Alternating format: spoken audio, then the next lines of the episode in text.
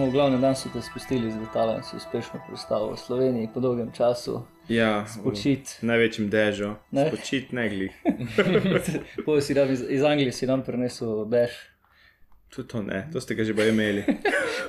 Zanikam. Dobro, pa, pa je kup eh, lepih, eh, lepih nalepk, ki si nam tudi prinesel. pa de- to pa vedno. Ja, uh, teda, ja, eh, pozdravljeni danes v novi epizodi podcasta Ogrodje. Danes je z nami Žan Markan pa, pa, pa Andraš eh, Brodul, Brodnik.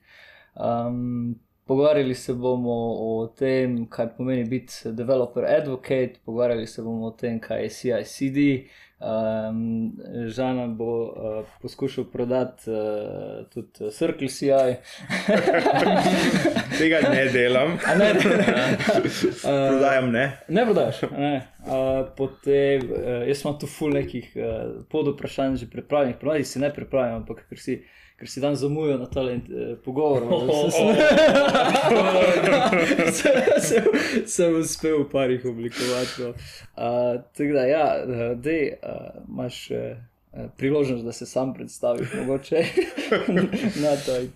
Ja, evo, hvala, ker uh, sta me vzela k sebi za ta uh, podcast. Uh, jaz sem Žan Markan, delam kot uh, developer advocate na Circle CI, trenutno živim v Londonu, pa včasih prijem za par dni v Slovenijo nazaj. Mhm. Včasih si delal za eno firmo, ki ima neke te prsi piga, ne? Uh, kaj so Marks and Spencer. Ja, Bodo. sem tudi za to delal. A si, a si fan prsi pigo, to je edino vprašanje glede te pozicije. V bistvu oni ve- eh, prsi so kar v redu. Okay. Oni navadni mi niso tako zelo, oni veggie so pa bili v redu. To so namreč neki, neki gumijasti bomboni, uh, uh, ki pač zmer, ki gremo v Anglijo, pa to nabavim vreče tega in nosim v Ko Slovenijo. Haribo sem da boljši, ja. To je to. Priporočamo. Ne vem, to ne zisi me. to je si me. ne, da Jaz sem ga hotel vprašati, kaj je delo Mark and Spencer, pa, pa vem, da si full bil uh, aktiven Android razvijalec v Mark Spencerju, uh, pa potem si tudi na, na Pusherju delal kot uh, Android developer. Uh, pa mislim, da v Anglijo si pa prišel zakaj v osnovi. Kaj te je Um, pripeljalo tja? Ja, imeli smo, imeli smo en startup, že iz uh, faksa praktično, Mhm. um, kjer smo pač prišli v nek um, akcelerator, se pravi pospeševalnik uh, Vajra. Uh, to je bilo deset let nazaj, 2012. Um, in od takrat sem potem bil gorne. Startup sem zapustil, pa sem prišel v firme delati. Mhm. Se pravi, ta uh, zgodba z, z, z, z startupom, ta kaj, second, second side, sem rekel, če se spomnim. Uh, ja, Second Sight smo začeli kot uh, kao produkt, firma se je pa potem imenovala Equalize, ko smo se rebrandali. Uh -huh. Uh, ja, mislim, uh, fanti so začeli delati malo bolj agencijski tip dela, Uh -huh. uh, jaz pa sem šel delati na produkte drugam. Se pravi, si, s, tem si v bistvu začel kot Android developer v tej vlogi. Delali ste zelo neke specialne Android rešitve. Kaj, Ja, to je bilo v bistvu uh, accessibility zgodba, se pravi, sploh ne vem, kako se po slovensko reče. Ne, ne, ne, v redu je. Um, v glavnem, accessibility zgodba, uh, telefon prilagojen slepim in uh, slabovidnim, ki je laufu na Androidu. To je bilo v cajtu, ko Android ni imel dobrega podporta. Um, in edini, kao, dober kao, smartphone, ki je imel ta podport uh, v redu nared, je bil iPhone, ki seveda ima en določen, uh, eno določeno ceno s sabo, ne, že takrat, pa zdaj še, še tudi ne. Uh, Medtem ko si Android lahko dobil za četrtino, petino te cene, ne, to smo hoteli neko tako uh, nišo ujet uh, za to. A Pa to ste delali appe, ki so bili prilagojeni za, za ljudi s težavami, ali, ali, ali ste customizirali Android? Okay. Ja, to je v bistvu bilo um, več stvari. To je bilo uh, kombinacija accessible appov, se pravi, praktično cela izku, celo izkušnjo smo spremenili v tako accessible varianto za slepe, slabovidne. Mhm. Um, od tega, ko imaš ti za telefonski menik, eh, za klicanje, za kalkulator za message in take stvari, do celotnega um, launcher, se temu reče, spravi ta uporabniška izkušnja na Mhm. Androidu, ko se telefon prižge, to je tisto, kar vidiš. Ne? Ta je tudi bil um, nared na tak način. Ne? Pa, Okay. No, to, to je ena zgodba, ki, je- ki, ki sem jo jaz prvi zasledil, pa spoznal preko, preko tega, pa da ste potem bili v Vajri. Pa mislim, da je to zdaj že deset let, odkar sem te obiskal v tej Vajri. ja, je po- že neki cajt. Ja. Po nekem naključju sem, eh, me je zanimalo, kdo so razvijalci, developerji v Londonu, in potem smo navezali stik in, in si bil takrat gor. In, in Mm. to, je, to je bila zelo dobra izkušnja videti pač eh, te inkubatorje in kaj počnejo. No. A lahko malo še, še o tem poveš, kak, kak je bila sama izkušnja z, z inkubira, biti inkubiran, pa biti v, pač priti v to okolje. Kaj. Se ti je odprl, se ti je odprl svet, se ti je spremenil pogled na, na, na industrijo. Ja, mislim, definitivno mi je dalo neki precej, ja, to, od, od, pol odprlo obzorje, ne, uh, v smislu, da prej, še posebej, ko sem prišel iz faksa, bil dost, dost uh, osko usmerjen v software, v development, ne, in potem, ko priješ v nek tak eh, sistem, moraš pravfati firmo. Um, pa pač uh, rabiš poznati še druge stvari, ne, kar se tega tiče. ne. Zdaj to lahko zveš tudi pre, brez uh, teh um, inkubatorjev, akceleratorjev. Mi smo pač šli po tej poti, še posebej zato, ker smo hoteli priti na nek tuj trg, ker je pač dost večji, dost lažje priti na, do dejanskih strank, ne še posebej, Mm. ker um, Vajra v našem primeru je. Uh, v lasti, oziroma ja, kot v lasti eh, O2, Mhm. ki je en velik telekom operator za, na, v UK, pa pač imajo Mhm. mreže še po celem svetu. Ne, in če delaš mobilne aplikacije, ne, take zelo specifične, se nam je zdelo, da okay, to je dober fit za nas. Mm.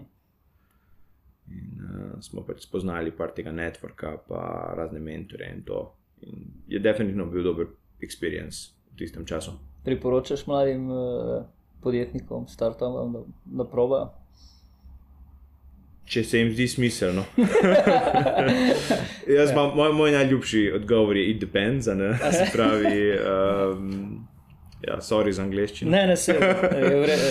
To smo že nekako ponotranili, ja. da je jezik strobke, angliščina, tako da je veliko je izrazov. Je, se mi zdi, da je nesmiselno, da toliko po, poslovenjamo in, in ne se pač. Ja, ja. fun fact, to je moj prvi Ja. podcast v slovenščini, sploh ne. Delam izključno v angliščini. Mislim, da ti gre tako dobro. tega. Trudim se. Okay. Uh, ja. Dobro, uh, ok. Uh, zdaj ne bomo toliko, to je deset let nazaj, ne bomo toliko o, o tem rodarila. Zdaj, bi, pa, bi pa vprašal. Uh, jaz, jaz sem videl, pač, da si bil v teh firmah, kaj smo zdaj omenili, si bil na zelo senior poziciji glede Androida. Mislim, da tudi si, si ogromno delal z Androidom, zelo poznaš ekosistem. Um, pač kudo, zato tudi sem poslušal nekaj tvojih predavanj. Um, zakaj potem nisi več Android developer?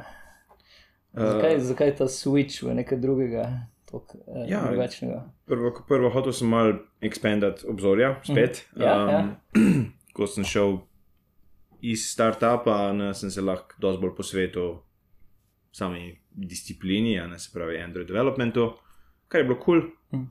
Uh, par let zatem me je bolj začel zanimati bolj mentorship uh, in uh, sam to izobrazba teh novih kadrov, ali so to ljudje, ki so prišli iz faksa, ali so se rekvalificirali, pač treniranje njih in uh, izobraževanje, da so potem oni sami boljši developerji bili.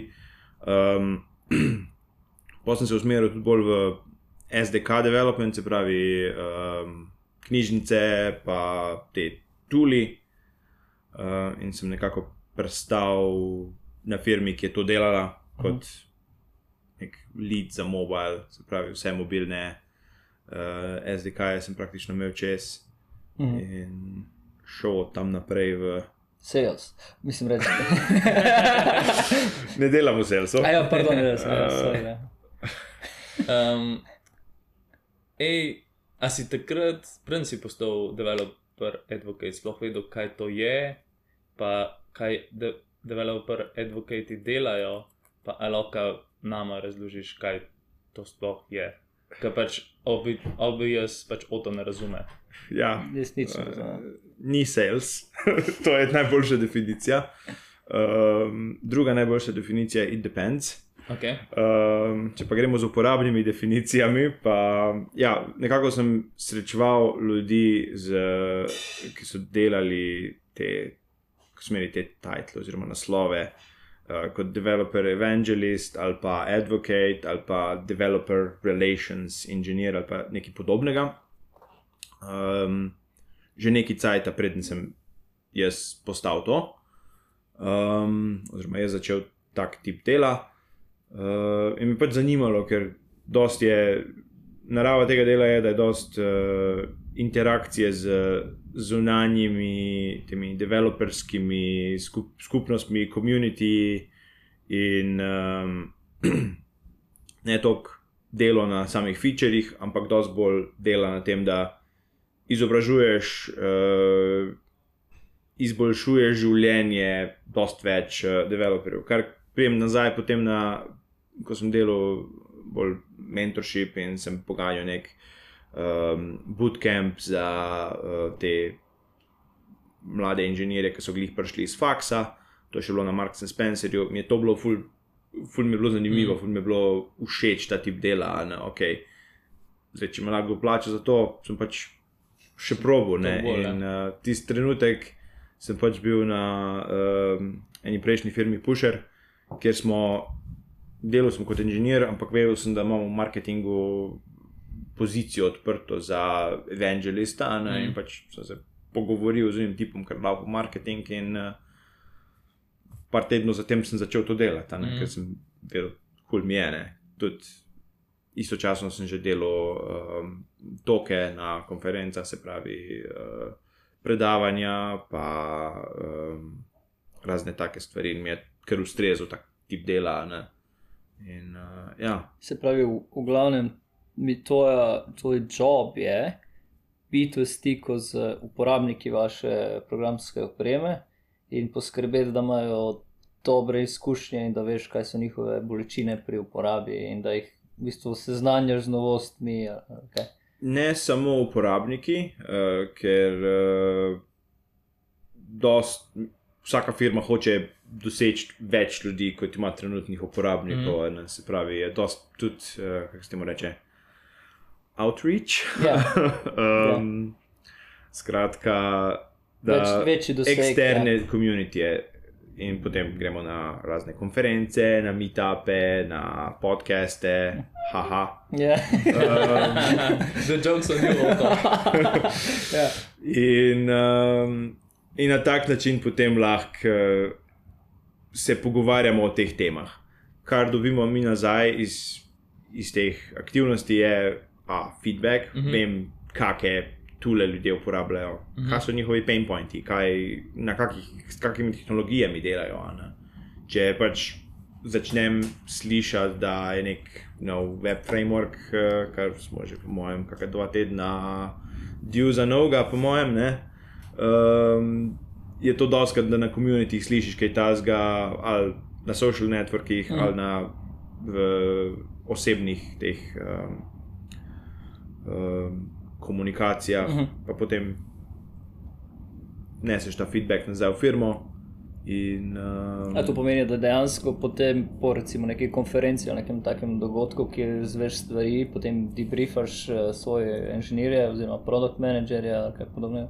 Dejansko imaš vpliv tudi na nek roadmap ali pa Ja, pogled zelo. Seveda, ne, Ja. ja. ker pač uh, v idealnem svetu bi to potekalo vsak dan, praktično, ampak ne, uh, nimamo vsi cajt za to, Ja, razumem. nimamo vsi časa za to. Se pravi, uh, ponavadi so se izpostavimo kakšne um, te trende, kakšne. Okay, videl sem, da ali nek Mm. kompetitor je neki, so neki izdali, okay, se pravi, zakaj so oni to izdali, za ka, kak uh, feedback imajo ljudje o tem, ko se potem pogovarjamo Mm. mm. njih, um, z njimi. Uh, ali pa preprosto, ja, vem, s kakimi tehnologijami ljudje delajo, kaj jih zanima mm. in uh, kako jim lahko pomagamo. Ne? In uh, pol, če je direkten feedback, ok, produkt ima en bug, to mm. pač greš po teh kanalih, kot so za, za bug reporting. Če je feature request, uh, lahko tudi pogledam, ok, ali že kakšen drug ta feature request uh, mm. bil iz. iz um, izpostavljen, pa potem sem upvoten in rečem, okay, ta oseba iz te firme mm. je to rekla. Um, Doskrat, če povem, to je ta oseba iz te firme, ta firma ima, ne vem, velik par sto ja. developerjev, ima dost večji vpliv, kot pa če rečem. Nekdo, ki sem ga srečal v ja, ja. McDonald'su prejšnji teden, je nekaj rekel. Mm. Ne? Mm. Tako da, uh, ful odvisno od tega. Pol, poleg tega, um, kar se na produkt uh, vpliva, imamo še tudi ostanek uh, naše marketing ekipe, ne, ki mm. dela na vsebinah, na blog postih, na videih in ostalemu kontentu. Kak messaging obrat, kakšne teme, kakšne teme ljudi zanimajo. Mm. Lahko tudi njim mal pomagam s tem, da rečem. Okay, to so novi frameworki, da bomo napisali mm. nekaj o tem, to je nov approach, novi tuli, ki so išli, um, da bomo nekaj na tem napisali. Ne? Mm. To se pravi, fulje interdisciplinarna pozicija znotraj organizacije, ki, če prav razumem, si podaljšana roka produkta, to se pravi, lahko jim daš uvid, koliko ljudi to boli, če so te featurei že notranjo zabeleženi, pač kako vtež imajo, ker dobiš feedback iz komunitija. Po eni strani si customer success, zato ker delaš z obstoječimi strankami, ki so velike, pa gledaš, kakšna je njihova razpoloženost. Pač v bistvu konc koncev, mogoče če ti nekoga obiščeš, je to ta key point, da nekdo podaljša neko večletno pogodbo, uh, pa seveda pač na neki točki si v bistvu tudi dela z marketingom, um, glede teh vsebin. Pa če sem prej malo pogledal, kakšne vsebine Circle CI daje ven, v CTO ima tudi podcast, to se pravi, imate podcast, sam snemaš pač videe. Um, videl sem, da v bistvu ful mi je bilo zanimivo, da imate cel kup konta v japonščini zdaj. To me je ful presenetilo. Wow. To se pravi, ja, nek eh, gospod je japonski developer, advocate in je vsebina v japonščini. Tako da to me je zelo presenetilo. Um, Aha, pa, pač malo bom delal srte, zato ker pač seveda ne razumem, točno, točno kaj počneš. Ampak jaz bi si pred, predstavljal, da v bistvu si pol ti tudi tisti, ki dela neke exemple, ki jih v bistvu anonimiziraš, ki jih pač vidiš in the wild, zato da pač lahko novim userjem pomagaš. Um, Hrati sem pa videl, pač, vem, na YouTubu imaš tudi neke vsebine, to bi bilo pa drugo vprašanje, kaj pa to kako je to zahtevno narediti? Je tam neka produkcijska ekipa, ki ti pol pomaga, ali je to tudi v bistvu na tebi, da zelo velik teh, to so tako, kar neke animacije. Neke stvari izgledajo izjemno ja. profesionalne. Ja, ja, teh, od animacij. Teh nisem sam delal. um, ja, super vprašanje. Ja, definitivno je to zelo multidisciplinarno delo, interdisciplinarno, kar mi je tu všeč, ker mm. pač ni noben dan, praktično, oziroma teden ni enak. Uh, včasih uh, sem se pač uh, hecel, da je vsak kvoter imel praktično novo službo. Mm. Lahko dobro, lahko pa slabo, mm. ker, uh, um, ker so vedno novi challenge, vedno se nekaj novega naučiš. Uh, in ja, absolutno si nekje med produktom, med marketingom, med uh, engineeringom. Zdaj, kaj točno delaš, je res odvisno od osebe do osebe, se pravi, um, tvoje preference. Se pravi, mm. moje preference niso na tem, da recimo. Um, Delam Twitch streame, medtem ko nekateri ljudje pa so full dobro v tem, ne? pa full radi to delajo, pa imajo ne profesionalne setupe, pa ne vem, kaj vse. Imajo dva, tri Twitch streame na teden in je to njihov fokus. Uh, jaz osebno imam bolj blog posti, pa um, prezentacije, pa workshopi. Mm. Sem zato, ker pač to mi je najbolj Ampak, eh, zabavno. Danes si umenil, ja. da v Slovenijo si prišel tudi zato, ker boš Slovenijo obiskal eno izmed večjih strank. Ja. Se pravi, greš tudi strankam na dom in To Pisarno. na dom, ja, mogoče Na ne. dom, na, na, dom, na dom greš preko Let me Twitterja. tell you about Northern Service Savior Circus. Ja. Uh, Spet uh, marketing se vštala. um, ja, včasih, včasih um, ponudimo kakim uh, strankam tudi uh, kak on-site workshop, ali je to remote, ali je to mm. dejansko on-site vprašanje. Zdaj, ko je ljudje dejansko hodijo v pisarne, je to bolj popularno. Um, kar je kul, cool, ker dejansko vidiš nek dosti bolj kind of, globok slice Mm. tega, kaj neki customeri delajo v real life, ne, se Mm. v, s kakimi problemi se dejansko soočajo. In to je, ja, kot si prej omenil, to je full dober vir nekih novih blogpostov, nekih novih Mm. kontentov. Ne, um, še posebej pri teh malo bolj um, kao, zahtevnih uh, uporabniških uh, use casih, a ne, se pravi. Um, zdaj le imam glih en blog post, ki ga delam, ko je v bistvu o raznih caching strategijah Mm. mm. ne, za v CICD pipelinih in uh, tega. Na to ne bi prišel, če ne bi se Mm. mm. dejansko pogovarjal s par ljudmi po netu. Pa tako, Okay, zgleda, da je dovolj ljudi zainteresiranih za to, da se nekaj napiše na to temo, a ne, da pa lahko uh, uh, imamo nek uh, kot case study oziroma example. Ok, zdaj pa malo manj prijetno vprašanje. Yes. Uh, pač, zdaj, tako, ko delaš pač z različnimi strankami, ko gledaš sales inženirje, so fully različne strategije. V ZDA tipično so doskrat sales tudi plačeni potem, koliko um, strank klozajo. Nekje v Evropi mogoče so ljudje bolj pač redno zaposleni, pa imajo nek fleksibilen del. Um, zdaj ti nisi sales, kot si sam rekel, ampak tako v bistvu me ful zanima. Rekel si, da imaš veliko svobode, pač kaj hočeš delati, ampak tako zanima me, tipično, pa ni treba glih za srkle se, ampak kakšen je tvoj KPI znotraj organizacije? A je to samo tako, hej, pač naredil sem v zadnjem četrtletju toliko pa toliko blog postov, toliko pa toliko stran sem obiskal, toliko pa toliko teh stvari, ali dejansko so ljudje tako, ne pač. Žan je tako nek kost, ki ga plačujemo, da imamo general brand awareness, pa nek feedback, ali pač ne vem, tako ne znam si predstavljati, kako Ja. se to handla. Super, dobro vprašanje. Ja. Uh, kot si čist pravilno srto, nimamo uh, nekega sales incentiva, se pravi, nisem plačan več, ne vem, bonusa, če klozamo dele, Mm. ker moj job, osebno kot developer advocate, je, da sem tam za developerje, ne glede na to, ali uporabljajo Circle CI, ali ga ne uporabljajo. Če ga uporabljajo, osem, če Mhm. ga ne, zakaj ne, lahko še vedno prenesem dosta stvari nazaj. ne. Um, in ja, ti KPI pa targeti se načeloma dost rotirajo, ko eksperimentiramo z novimi, z novimi taktikami. Mhm. Um, vsak kvartal, praktično četrtletje, se malo spremenimo, malo mal tweakamo te Mhm. zadeve. ne. Včasih je kakšna čist nova stvar, ki, mo, ki, jo, ki jo probamo. Um, Kot, um, kako se ti mu reče, influencati, se pravi, Vplivati. vplivati na to, ne, kot kao firmin, OKR, včasih je kaj drugega.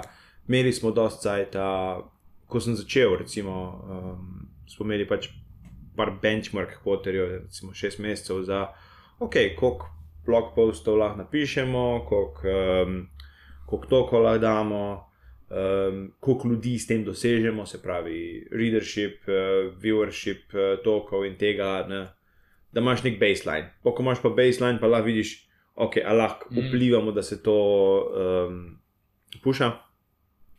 Bolj se je nekako pandemija, smo pozabili na njo in uh, so naenkrat ljudje nehali hoditi na virtualne dogodke. Mhm.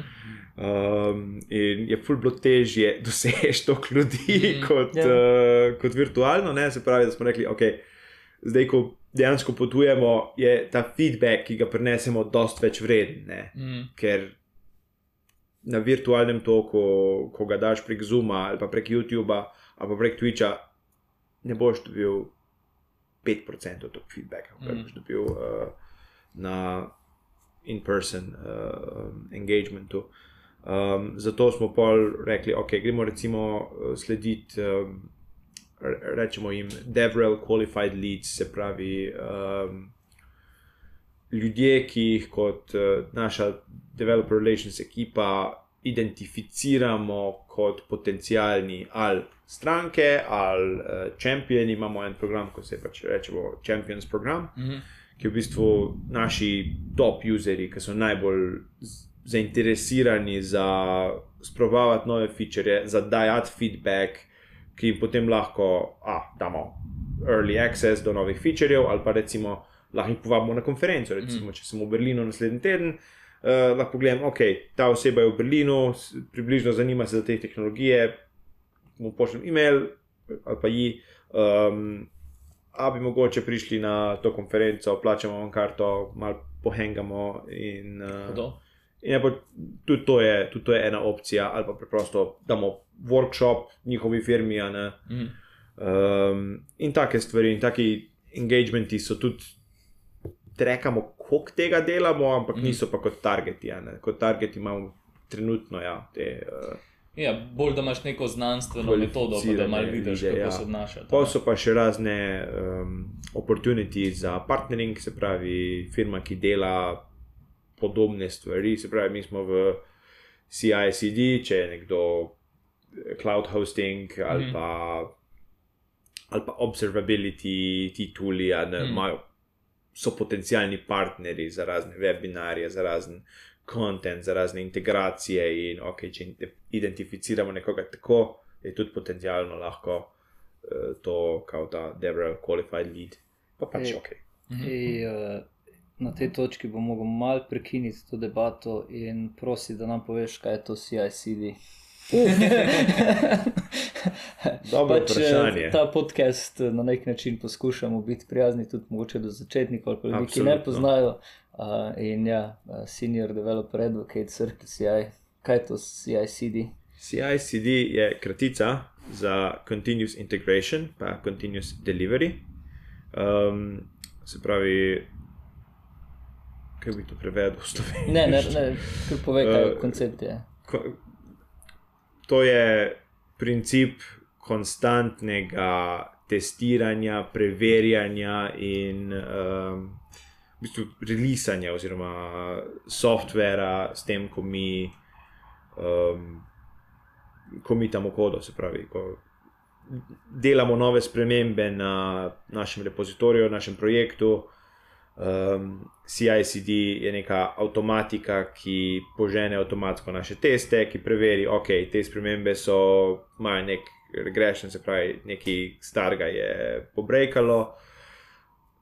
Moja slovenščina se se Vidim, da- pravi, čujem. Ne, ne, ne, ne, ne trudi se preveč, da se ne izrazi. ampak, Ja. Um, no, glavnem, um, in uh, na ta način lahko softverske ekipe dosti hitreje razvijajo, ker uh, ne rabijo a, lokalno builda testov, ne rabijo toliko um, ročnega testiranja, uh, lahko v bistvu deployajo v produkcijo večkrat na teden, večkrat na dan, večkrat na uro, odvisno od tega, kar, kar pač počnejo.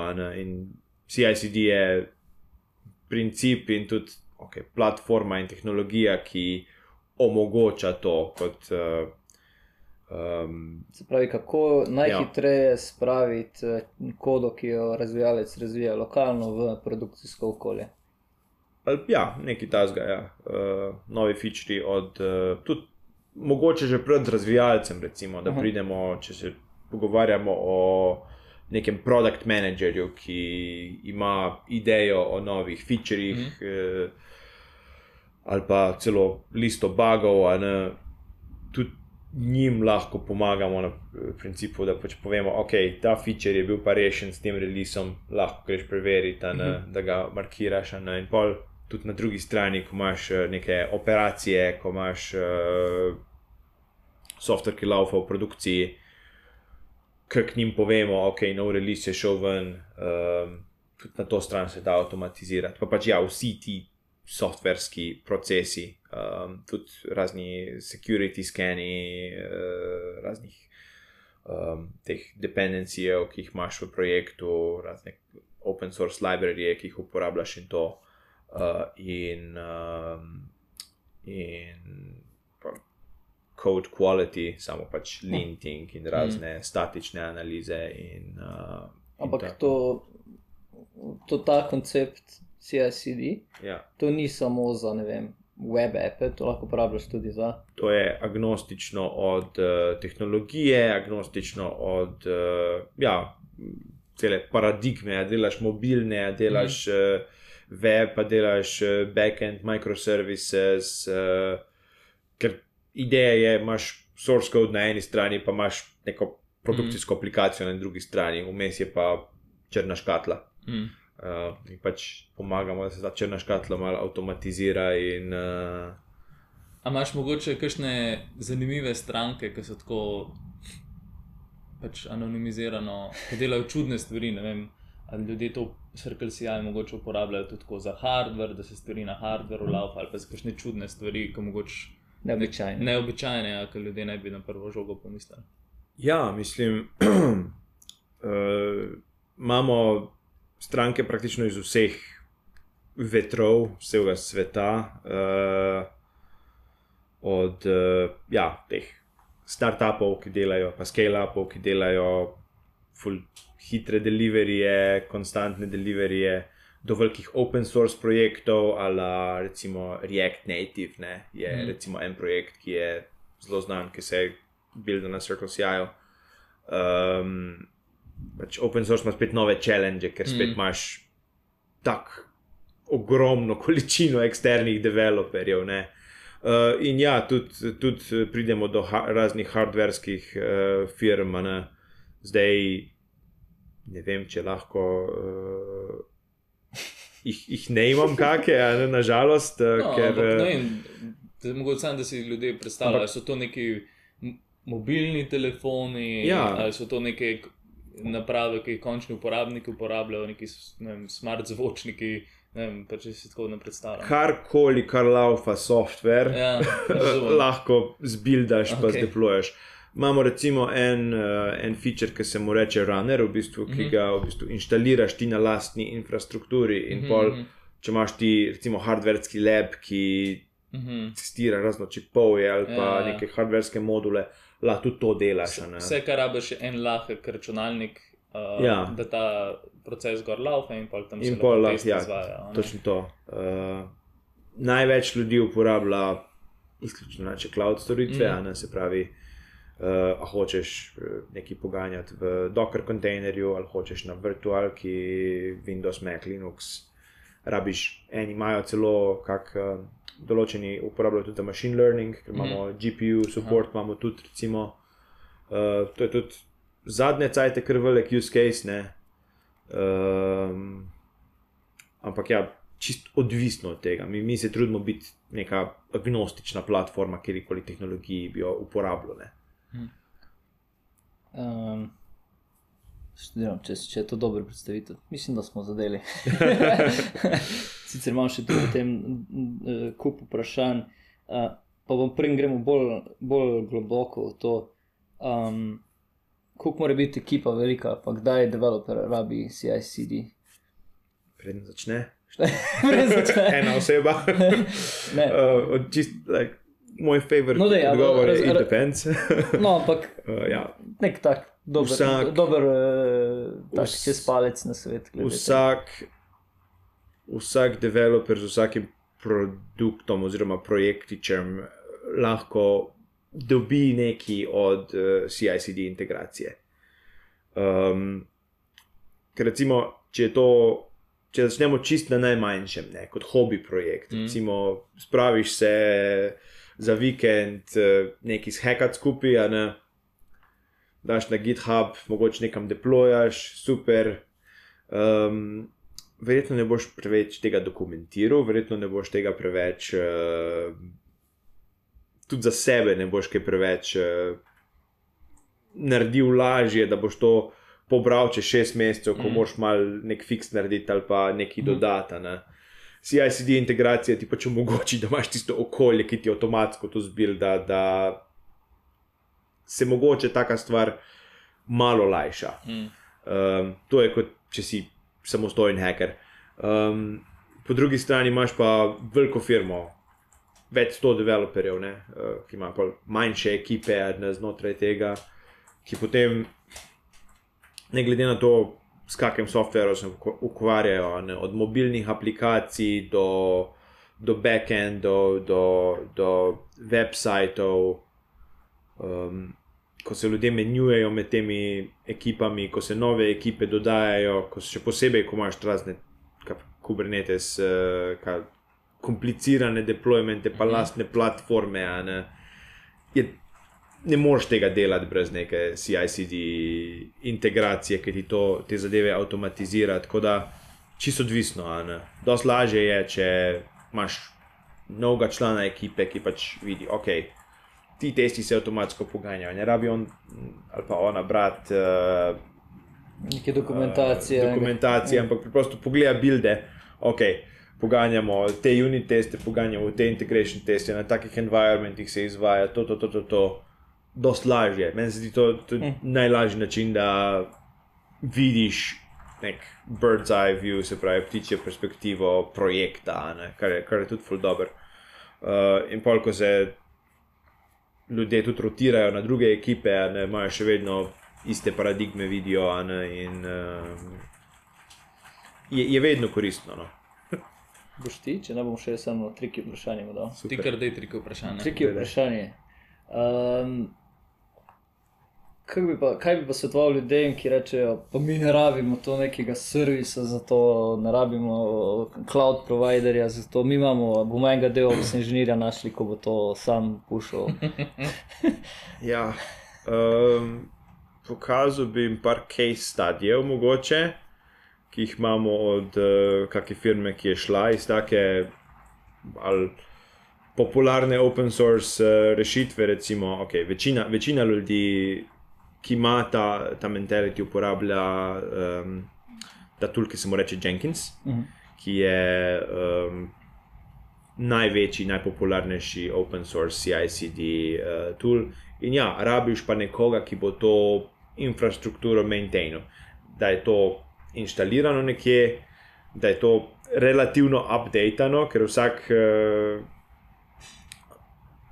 Ker pač, ko imaš nekaj tasga, kar temelji na open source pluginih, še posebej, ne, moš potem ti skrbeti, da se ti plugini lepo špilajo s sabo, da ni kakega security vulnerability, ne, in pol hitro ugotoviš, da ta ena DevOps oseba ni dovolj, da rabiš štiri. Mm. Pol pa ugotoviš, da štiri ljudi plačuješ uh, za to, da ti sam krpajo stvari, da komaj delujejo. Če imaš pa cloud-based tool, pa v bistvu tisti štiri ljudi, ali pa tri, ali pa dva, ali pa kakorkoli, lahko pa v bistvu pospešijo še bolj delovanje firme. Ne. Se pravi, konec koncev pridemo do klasičnega build versus buy uh, mm. vprašanja. Ne. Se pravi, ali bomo sami zgradili, sami maintainili, ali bomo kupili neki. In se pač vprašaš, kaj imam raj, ne? bolj hitrejši movement ali več kontrole na lastni strani. Večina firm gre v trend, da raj kupijo, ne pa se fokusirajo na svoje, Core svoj core business. Ja, točno to. Um, En, ampak en dober argument, ki sem ga slišal, je, da pač, eh, če greš delati eh, svoj CI flow ali pa svoj setup, um, da ga moraš v bistvu tretirati kot eh, še eno produkcijsko okolje, ker pač ima svoje specifike, svoje, svojo ekipo, rabiš svoje, svoje peče, svoje pač normalno- absolutno. Ja. Če ne dela, je kar velik problem, Ja. ja. tako je, ima velik impact na uh, hitrost razvoja. Pa se moje opažanje je, da se ljudem zdijo te stvari precej preproste, ker konec koncev so to pet best skript, ki jih zaporedoma poženeš, ampak Tako se vedno začne. Ne? Ja, pol, ko se enkrat v industriji malo več časa, um, pač ko, ne vem, včasih si, je res uporabljal ena, cloud, pora, obstajale so vem, tri cloud storitve, um, obstajal Hudson, ki se je bolj preimenoval v Jenkins, tako da smo ful sami, sami skupaj uh, klamfali. Ampak se izkaže, da te stvari so mogoče mičkam bolj kompleksne, kot se zdijo na, na prvi korak. O, ja. Problem je, da hitro postanejo kompleksne. Ne? Da, Ja. da tistih pet skript imaš naenkrat jih 20, Ja. 30, pa potem hočeš imeti še eno ekipo, pa še 20 skriptov. Jen, Jenkins brez 15 pluginov ne izpolnjuje minimalnih standardov, ki bi jih nek developer pričakoval. No. Vse včasih je bilo tako, da vemo pa, da je zdaj podobno. Ja. Um, ali še gremo malo se pogovarjati o, o alternativah? Ali Pa, ker imam tukaj, sem, preden smo se pripravljali, sem si napisal, pač, eh, kdo vse so alternative Circle CI-ju. No, kdo so? tu imamo napisano Semaphore, TeamCity, Jenkins, Travis CI, potem imaš pa od, od cloud providerjev Azure DevOps, pa Google ima Cloud Build in podobnega. Pač ta prostor CI/CD je, je velik in je velik uh, playerjev v tem prostoru. Um, in, in mislim, da je kar brutalna konkurenca za, za, za, za ta market. Um, pa tudi v nekem projektu, kjer smo tudi z Brodom skupaj delali, smo zračunali, da CI, cel ta, vse okoli CI-ja v povprečju menjamo na leto in pol. Zato, ker se ta ekosistem tako hitro spremenja, ali se ta način razvoja softvera tako hitro spremenja, ali, ali pač dejansko je, je, morajo ti tuli biti res, tako si sam prej povedal, up to date z novejšimi frameworki in, in, in da, da res upora, da niso bottleneck, da niso problem za cel cikl. Uh, in, in ja, kaj boš, kaj boš na to rekel? Um, ja, mislim, kot jaz videvam, da ti ta kompetitorji prihajajo v nekih valovih. Ne? Mhm.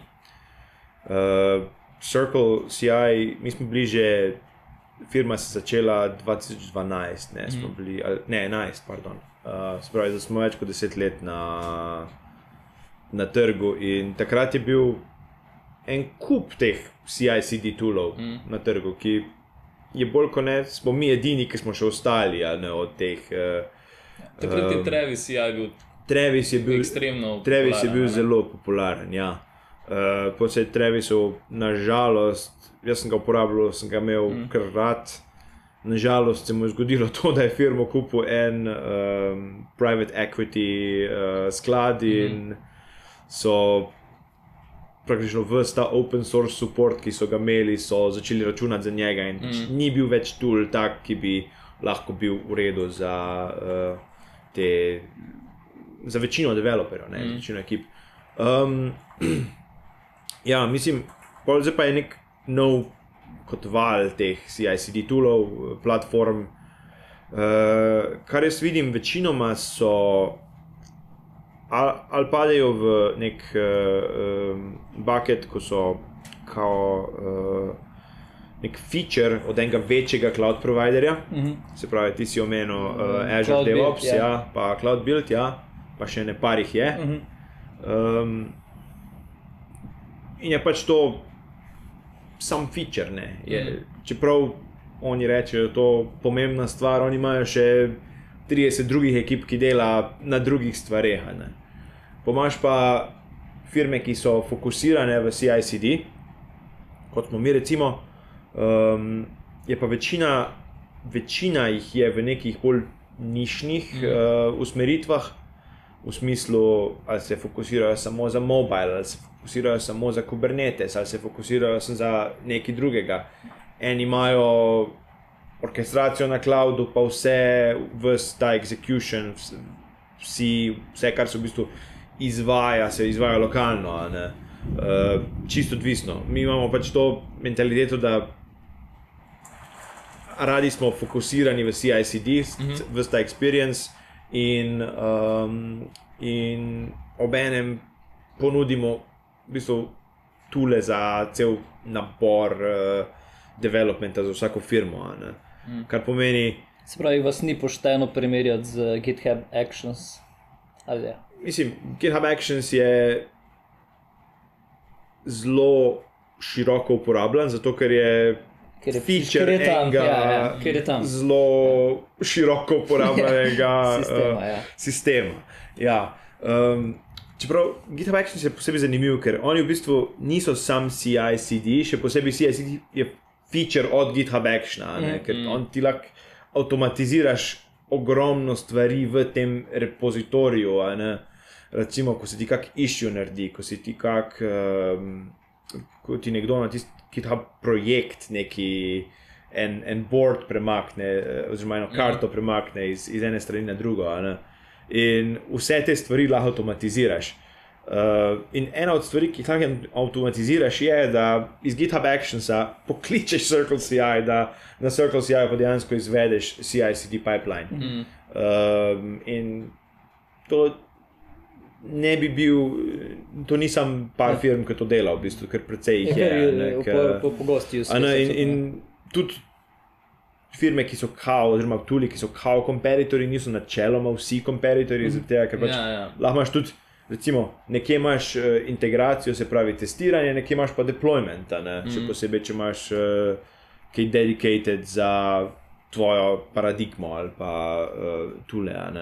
Mi smo načeloma pravimo, da smo največji dedicated uh, CI/CD tool. Mm -hmm. Spravi, definitivno imamo največ inženirjev, ko dela na tem. Se pravi, featurei so ponavadi najhitreje pri nas, Ja. kar so teh novih generalnih. Kar je konec koncev tudi strašansko pomembno, zato ker ko, ko v bistvu, ko so kontejnerji začeli postajati bolj popularni, ne, se je v bistvu zelo hitro takrat pokazali na trgu, ti imaš vem, uveljavljene.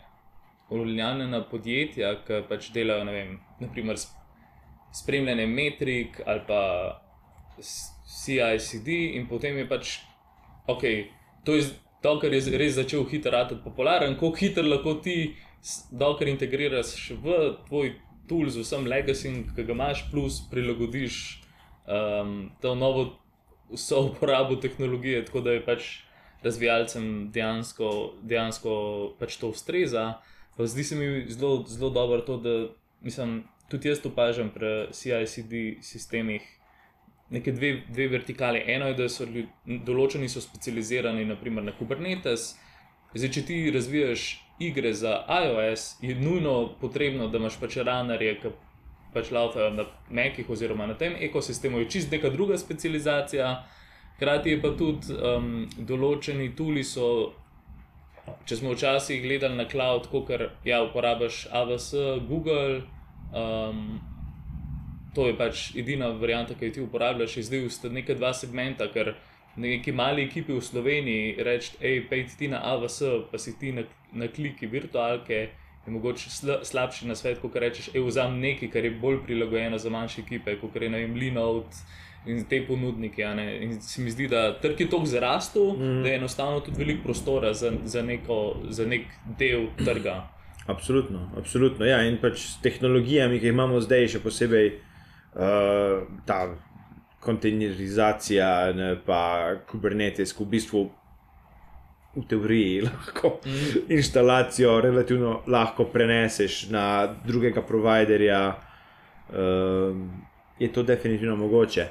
Um, in ja, kot si rekel, ja, če imaš. Določene firme imajo dva različna CI/CD-ja mm. za dve različni dva različni ekipi oziroma tip developmenta, nekateri imajo še celo več. Mm. Sam to pomeni, um, da oni, ki skrbijo za finance, ni to preveč všeč, ker pač imajo tri račune za plačati na mestu enega. Ja. Um, potem uh, security ni všeč, ker mora tri tule evalvirati na mestu enega. DevOps ekipi ni všeč, ker mora tri tule poznati, Poznati. pa kakorkoli konfigurirati Ja. na mestu enega. Mobilne ekipe so mogoče nek outlier, tega, ker so toliko bolj specifične mm. kot pa večina ostalega developmenta, da doskrat jim dovolijo, da sami maintainajo, ampak ja, pomojo pa sami maintainati zadevo. ne. Mm. Um, Zdaj, ko smo prej GitHub omenili, bi, bi še to prebral. Sem na, na teh kranču je pisalo, da ste letos, mislim, da naredili nek partnership z GitLabom. Pa tudi z GitLabom imate nekaj, kaj pa tam, Ja. imate nek boljši. v bistvu uh, GitHub in GitLab sta oba dva VCS, se pravi, providerja teh repozitorijev, ne, source control uh, sistema. Ne.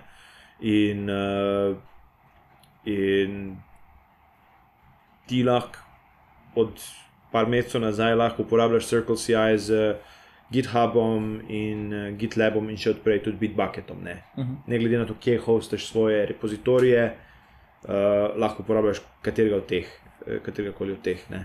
To je v bistvu povečano število organizacij, ki jih lahko podpiramo, brez da uh, jim rečemo, hej, ne moramo podpreti tega, boš šel na enega drugega, ker to odglih ni realno, mm -hmm. da bojo yeah. Ja. zaradi enega tula vse svičali.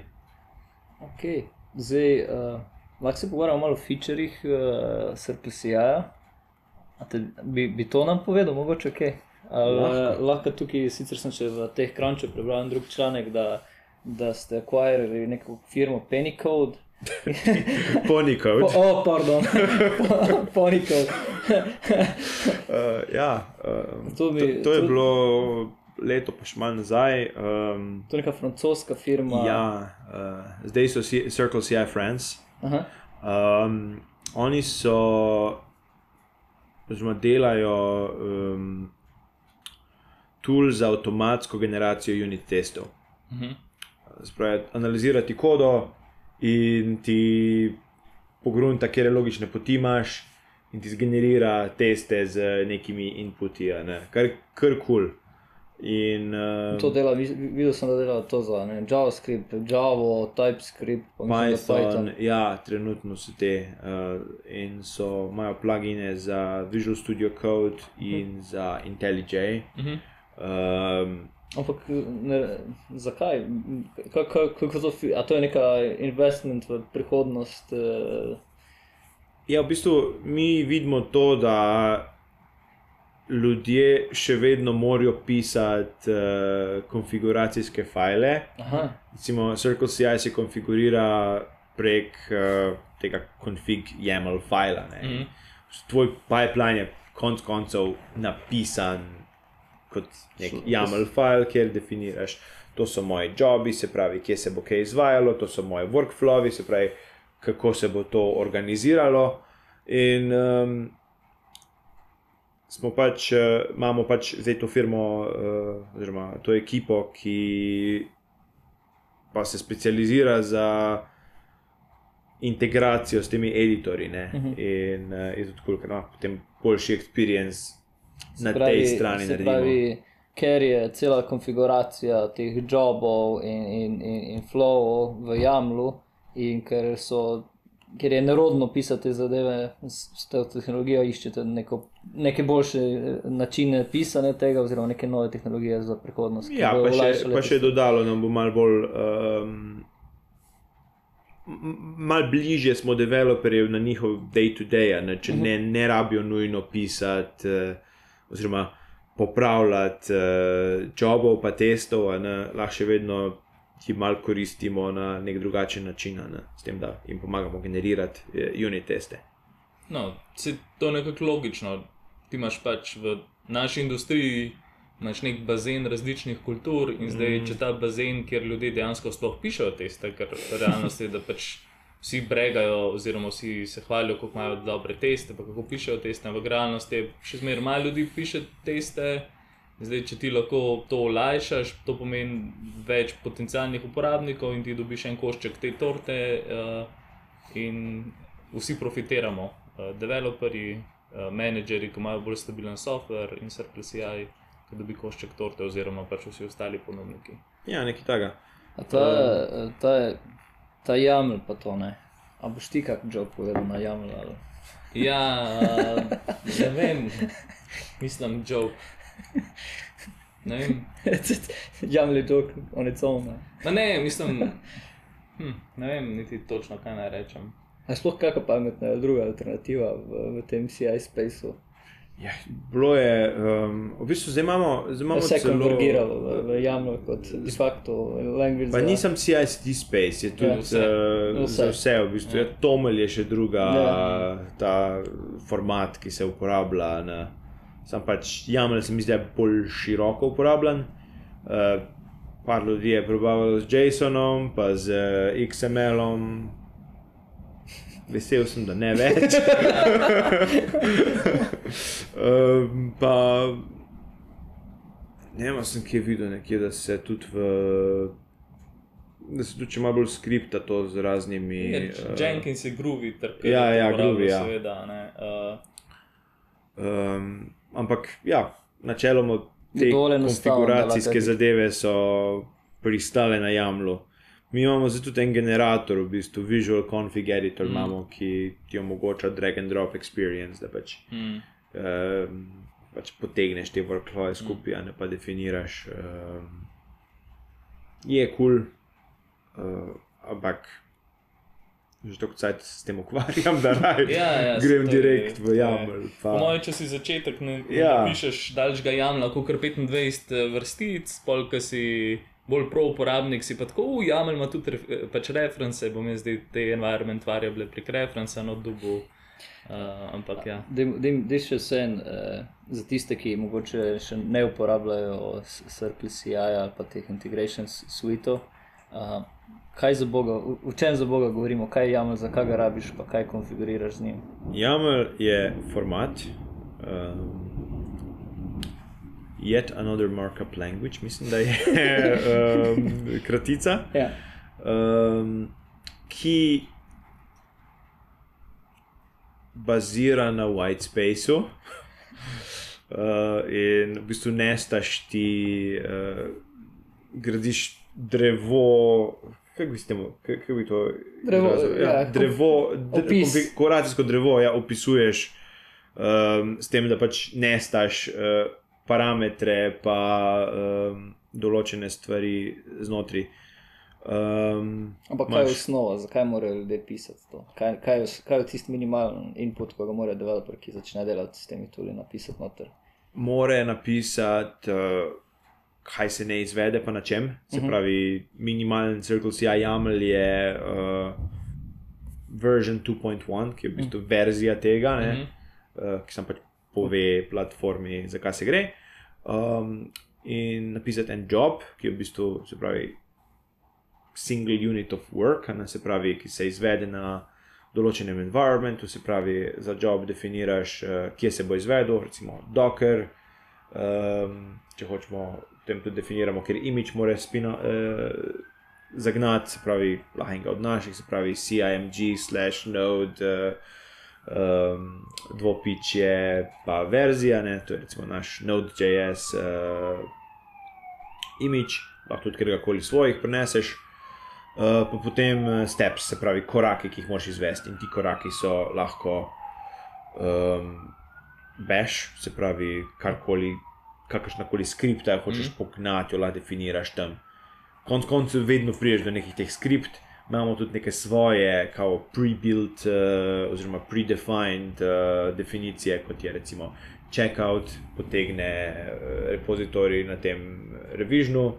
Uh, potem store archives, ki v bistvu omogoča, da se shrani neki binary ali pa test rezultati, uh, da jih imaš potem, da jih vidiš iz tega workflowa. Mm.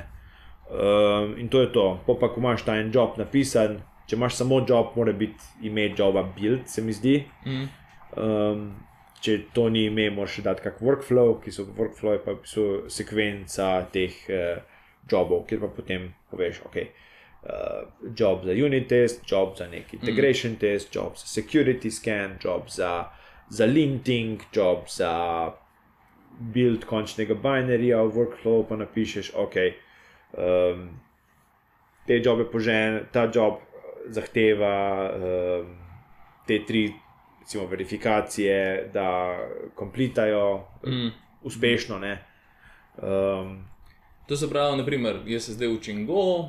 Ja. Um, pač najbolje je, da v bistvu grem na Circle CI dokumentacijo, pa kliknem tam, okay, kako uporabljam Circle CI z Gojem. In potem me najbrž tam pričaka nek konfiguracijski file, ki ima reda 20 vrstic, mogoče malo več, malo manj. ja, mislim, da imamo celo um, neke quick starte za to, ja, mm. to ne, da priješ noter, pa ti pomaga ja, mm. štartati, pa ti recimo instalira te dependencije mm. in požene nek uh, test, ponavadi To to. se pravi, če si začetnik ali pa nekdo, ki ni trenutno še CI uporabljal, je pač to najbrž nek tak Ja. starting point. Je to dober starting point. Ja. Uh, tudi je včasih tudi dobro, kak obstoječ projekt pogledati, Mhm. ki imamo par samplov, a ne Aha. pa tega, pa pač vidiš pol od malo bolj um, basic do kar advanced uh, konfiguracij. Ne. Um, videl sem eno zelo dober feature, ko se prijaviš s Circle CI, um, ti se lahko prijaviš z GitHubom in ti potem poskenira tvoj, tvoj ser, pač s drugim version control sistemom in ti poskenira, kje repozitorije imaš, izbereš projekt in potem mislim, da celo detekta, ker jezik je recimo uporabljen in ti že naredi branch in v tistem branchu ti da noter že, že ta Mhm. prekonfigurati ja. zadevo in ti tudi že požene. Kar. Mhm. V bistvu vse te, vse te vodi. a Vse, vse te korake, Mhm. kar smo se zdaj naredili, te že tudi on lahko naredi. ne. Tega- To mi je tudi zelo, zelo zanimivo. Bilo. Um, jaz bi tukaj mogoče šel, ok, zdaj smo malo urisali za začetnike. to. Um, jaz imam tukaj tri ali pa štiri probleme, ki jih jaz vidim, ki so tudi posledica, zakaj, smo rekli, da, da ljudje menjajo CI na 1,5 let, um, ki so najbolj pogosti problemi. Pa me zanima, kaj, kaj, kaj bi ti svetoval za, za te tri, štiri probleme, ki bom zdaj omenil. Ja. preden, preden ljudje. O, pub quiz. Pub quiz, ja. Jej. Jej. okay. Prvi, prva zadeva, uh, kaj narediš, ko, so, ko postanejo tvoji testi oziroma test suite uh, počasni? Um, Kakšne so opcije? najprej Kaj predlagaš? Zakaj so počasni? Okay. Um, razlogov je lahko mnogo. Ena je, da ti preprosto vse uh, allocated uh, computing power požre. Mhm. To je najlažje, ker v bistvu pol sem večjo instanco requestaš, pa gre hitreje. Doskrat, če laufaš out of memory ali pa ja, če se CPU zafila, um, je to kar hitra rešitev. Um, če imaš ogromno testov, potem jih lahko tudi splitaš. Se pravi, um, poženeš uh, nek del testov na paralelnih uh, jobih, ki bojo samo pognali. Uh, recimo, če daš paralelizem 4 ali pa 100 ali pa kakorkoli, ne, um, poženeš samo del teh testov naenkrat in to je absolutno velika, velika pohitritev. Ne. Um, kar še lahko uh, skeširaš, lahko zelo dost, ponavadi, se pravi od uh, instalov dependencijev do um, kakih prebuildov, kaj takega. Pač pogledaš, kaj se je spremenilo v projektu, in če lahko kaj skeširaš. Ne. Mhm.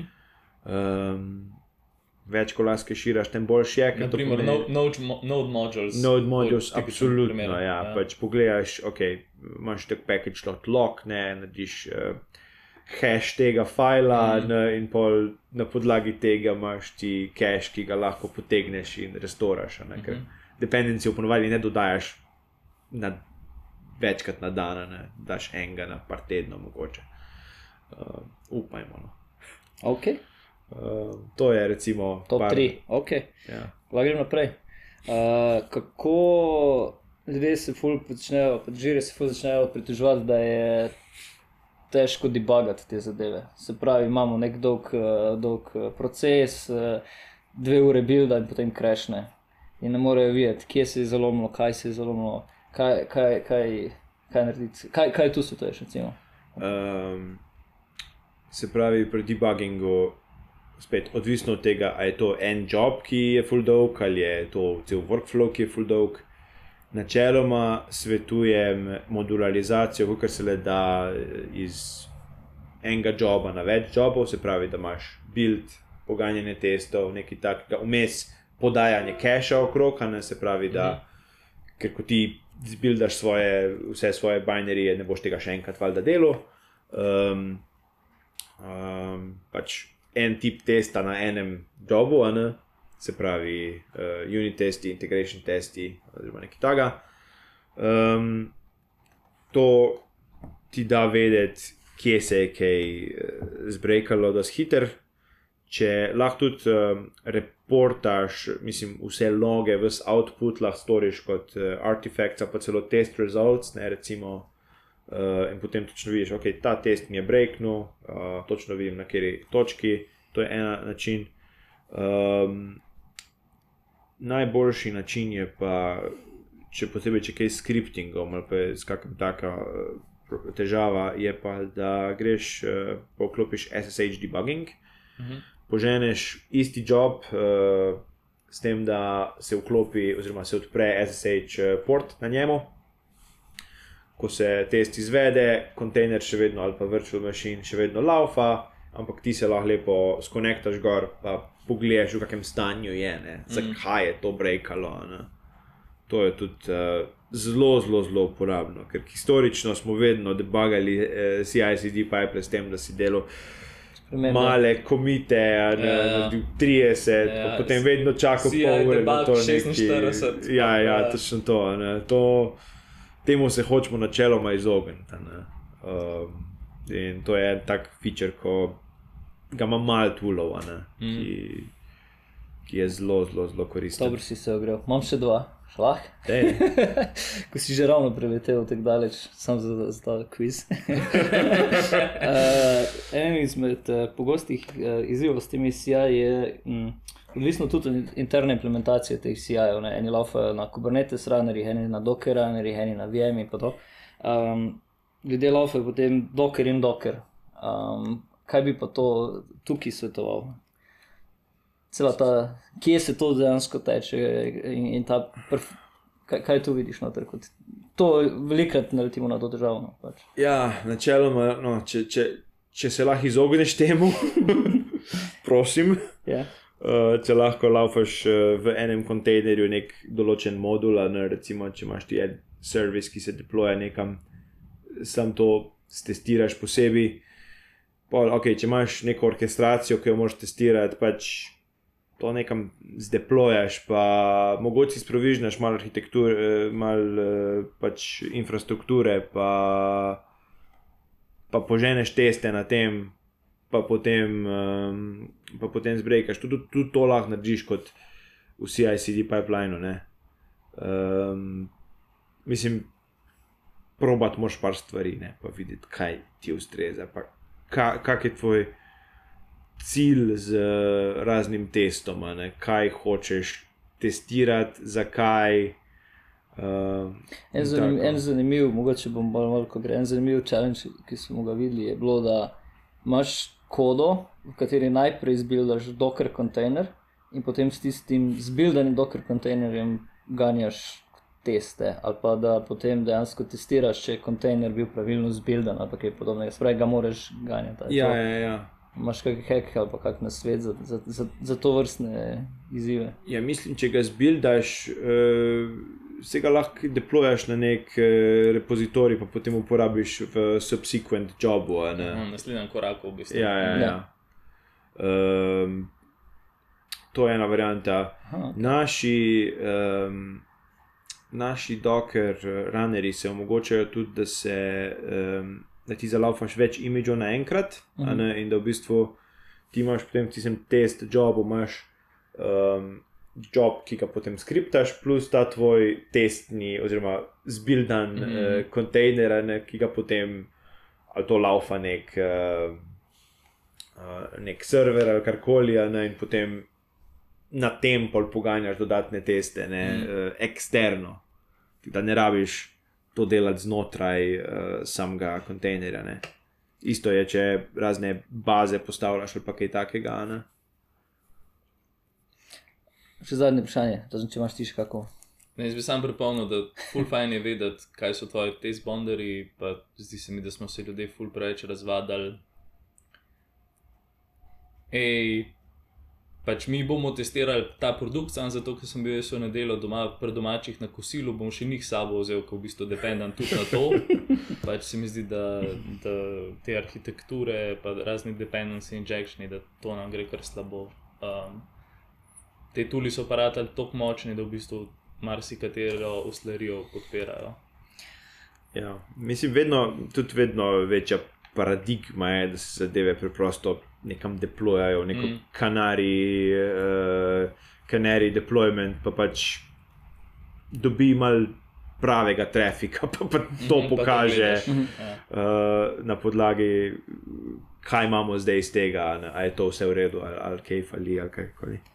Ok, se iz tega verjetno tudi moje zadnje vprašanje. In, uh, pač, tako smo prej rekli, ja, pač jame pa ti pipelini postanejo zelo hitro, zelo kompleksni, posebej, če, če se poraširi število team memberjev, če se razširi, če zraste organizacija, če, če pač res neki trakšni postanejo, ali pa če uporabljaš, če uporabljaš CICD za res kompleksne challenge. Ne. Torej, kak je pa tvoj nasvet mogoče s tem, kako držati ta kompleksiti pipeline pod, pod, pod kontrolo ali pa Um, ja, v bistvu, če se le da razbiješ določene funkcionalnosti na, na take eh, te repetitivne dele kode, lahko razbiješ na marsikaj načinov. ne. Hm. Uh, mi imamo ta koncept eh, orbs, se pravi, eh, orbi so kot nek prepakiran, predpakiran eh, konfiguracije, ne, ki lahko cele jobe daš, ali pa komande, ali pa, ali pa uh, executorje, ne, ki v bistvu ti omogočajo, da so tvoji workflowi v bistvu samo nanašanja na te obstoječe jobe in to. In to lahko uporabiš ali public variante, ki so open source, ali pa tudi private eh, za organizacijo, da pač ponavadi se zgodi, da DevOps ekipa maintaina kak tak orpa, ne, ki ima potem te funkcionalnosti, ne, da, da potem lažje, funkcioni- eh, lažje eh, testira. Eh, vedno bo nek kompleksiti, a ne, pač stvar je samo v tem, da se ga čim bolj smiselno um, handla, kar pa spet odvisno ful od uh, organizacije. Ne. Ja. Uh, te stvari so težke, pa pač del, delaš zanimive stvari. Uh, Prebral sem ta en blog post o Bazilu. To je bil sistem, ki ga mislim, da ga je Google naredil Mhm. in je pač izjemno popularen, posebej v določenih industrijah. Um, ampak je v osnovi eh, specializiran za monorepote, ne. se pravi, da imaš en, en repozitorij, ki je ogromen in potem zbilaš z njim. Um, a je tudi tukaj noter vidimo Circle CI ali, ali, ali kaj, kaj vidiš s tem? Ja, mislim, uh, seveda. Ali je vse en, ker si agnostičen. Na, načeloma, je, načeloma je vse en. Sem napisal en blog post, ki se ga uporablja z Bazelom, ne, ne sicer v monorepo kontekstu, ker pa če imaš ti monorepo, ga moš, moš ti stanje tega monorepota nekje keširati, ne?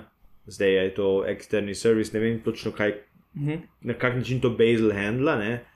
Um, mi imamo svoj, um, svoj feature, ki se mu reče Dynamic config Configuration, se pravi dinamična konfiguracija, ki v bistvu ti do neke mere omogoča handlanje monorepotov, v principu, da ti v bistvu poženeš en workflow, preden poženeš ta glavni workflow, in v bistvu ta workflow v, bistvu v tem lahko narediš marsikaj, ampak Mm. ena od um, use cases je, da pogledaš, um, kateri deli, um, kateri deli patha, se pravi, znotraj Poti, ja, tega ja. repota so se spremenili.